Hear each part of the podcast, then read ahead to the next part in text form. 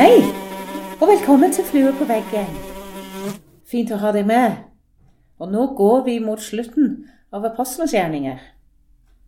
I dag skal vi lese kapittel 28, fra vers 16 til 31. Og jeg har med meg en utrolig fin gjest, men hun skal få lov til å presentere seg selv. Hei. Hei, jeg heter Melly, og jeg er lærer på Haga skole nå. Ja, Og bor i Tananger. det er fint å ha deg med. Takk. Og du tok en utfordring som jeg ga deg, og du leste den teksten. Ja Hva var det du stoppet opp med mens du leste? Det aller første jeg la merke til, det var eh, eh, Altså, jeg visste jo Paulus, han er jo, han er jo fange. Ja. Og så har han en soldat med seg. Ja. Men så tenker jeg eh, han, Den soldaten gir han jo ganske frie tøyler. Ikke sant? Eh, så jeg tenker liksom Hva side står den soldaten på? Ja. Støtter han Paulus, eller eh, støtter han eh, romerne, som han nok hører til? Det var det, det, var det aller første som, som slo meg i, i dette her. Og så ser jeg òg at Paulus han får bo privat. Ja. Ja, Han får samla lederne blant jødene. Han får forklare seg. Ja, Det var mange ting som jeg stansa opp på. Ja, det er en spennende tekst. Ehm, og så, og så, så er han jo kommet til Roma for, fordi han på en måte skal forsvare seg. Mm. Eh, og når han snakker med de folka, så sier de at Du, nei, vi har ikke hørt noe som kan skade deg, Paulus. Ja. Vi har ikke hørt noe vondt om deg. Mm.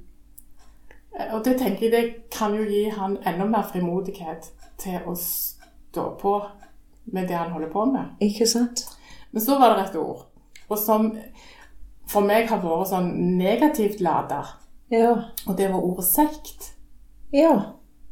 For, for når vi hører ordet sekt i dag, så tenker vi på en ytterlig eh, gående litt sånn Ja. eh, Hjemme i kjerker, USA eller troende.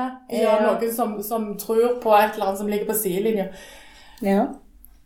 Men altså, kristendommen var jo en sekt under jødedommen på Mm. Paulus' tid. Mm. Det var det. Så da får jo ordet, fikk ordet en ny betydning for meg. Ja. Ja. Ah, ah, ja. Gjorde det. Mm. Ehm, At det, at det betyr noe annet enn det negative, på en måte. Men det er jo fordi jeg forbinder kristendommen med noe som er positivt. Ja. Ja. Mm. Ehm, Det var, det var noe av Det var de ordene. Det var soldaten som jeg tenkte på. Ja. eh, Og så var det ordet sekt. Ja. De to ordene som jeg la merke til. Og så lurer jeg på hva du der hjemme som hører på, hva du stoppet opp med. Det hadde vært vært spennende å vite. Men nå lurer jeg på en ting her, Nelly. Har det noe å si til oss i dag? Ja, eh, at vi må være frimodige. Ja. Eh, For det tenkte jeg på, det, det er jo, går jo mot slutten av livet til Paulus. Og han, og han, eh, han Altså, de jo må jo møtes i skjul hjemme hos folk, for det er jo forbudt med kristendommen. Ennå i flere eh, hundre år, faktisk. Ja.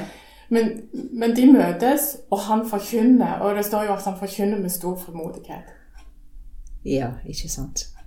Eh, og han, han, han snakker jo om at noen, noen tror, noen er vantro, men, men han gir ikke opp. Mm. For han, han vet hva, han, eh, eh, hva budskapet han går med. Og så tenkte jeg òg at det er han som, som var en av de som forfulgte de kristne, de som ville tro, og så snur han totalt om Ikke sant. med stor fare for livet sitt. Mm. Ehm, og han eh, Ja, han står på. Så du tenker vi bør være litt mer frimodige enn det vi ofte er? Vi må det. For vi er jo redde for å si noe eh, ja, på arbeidsplassen. Vi er redde for å, å si gjerne imot.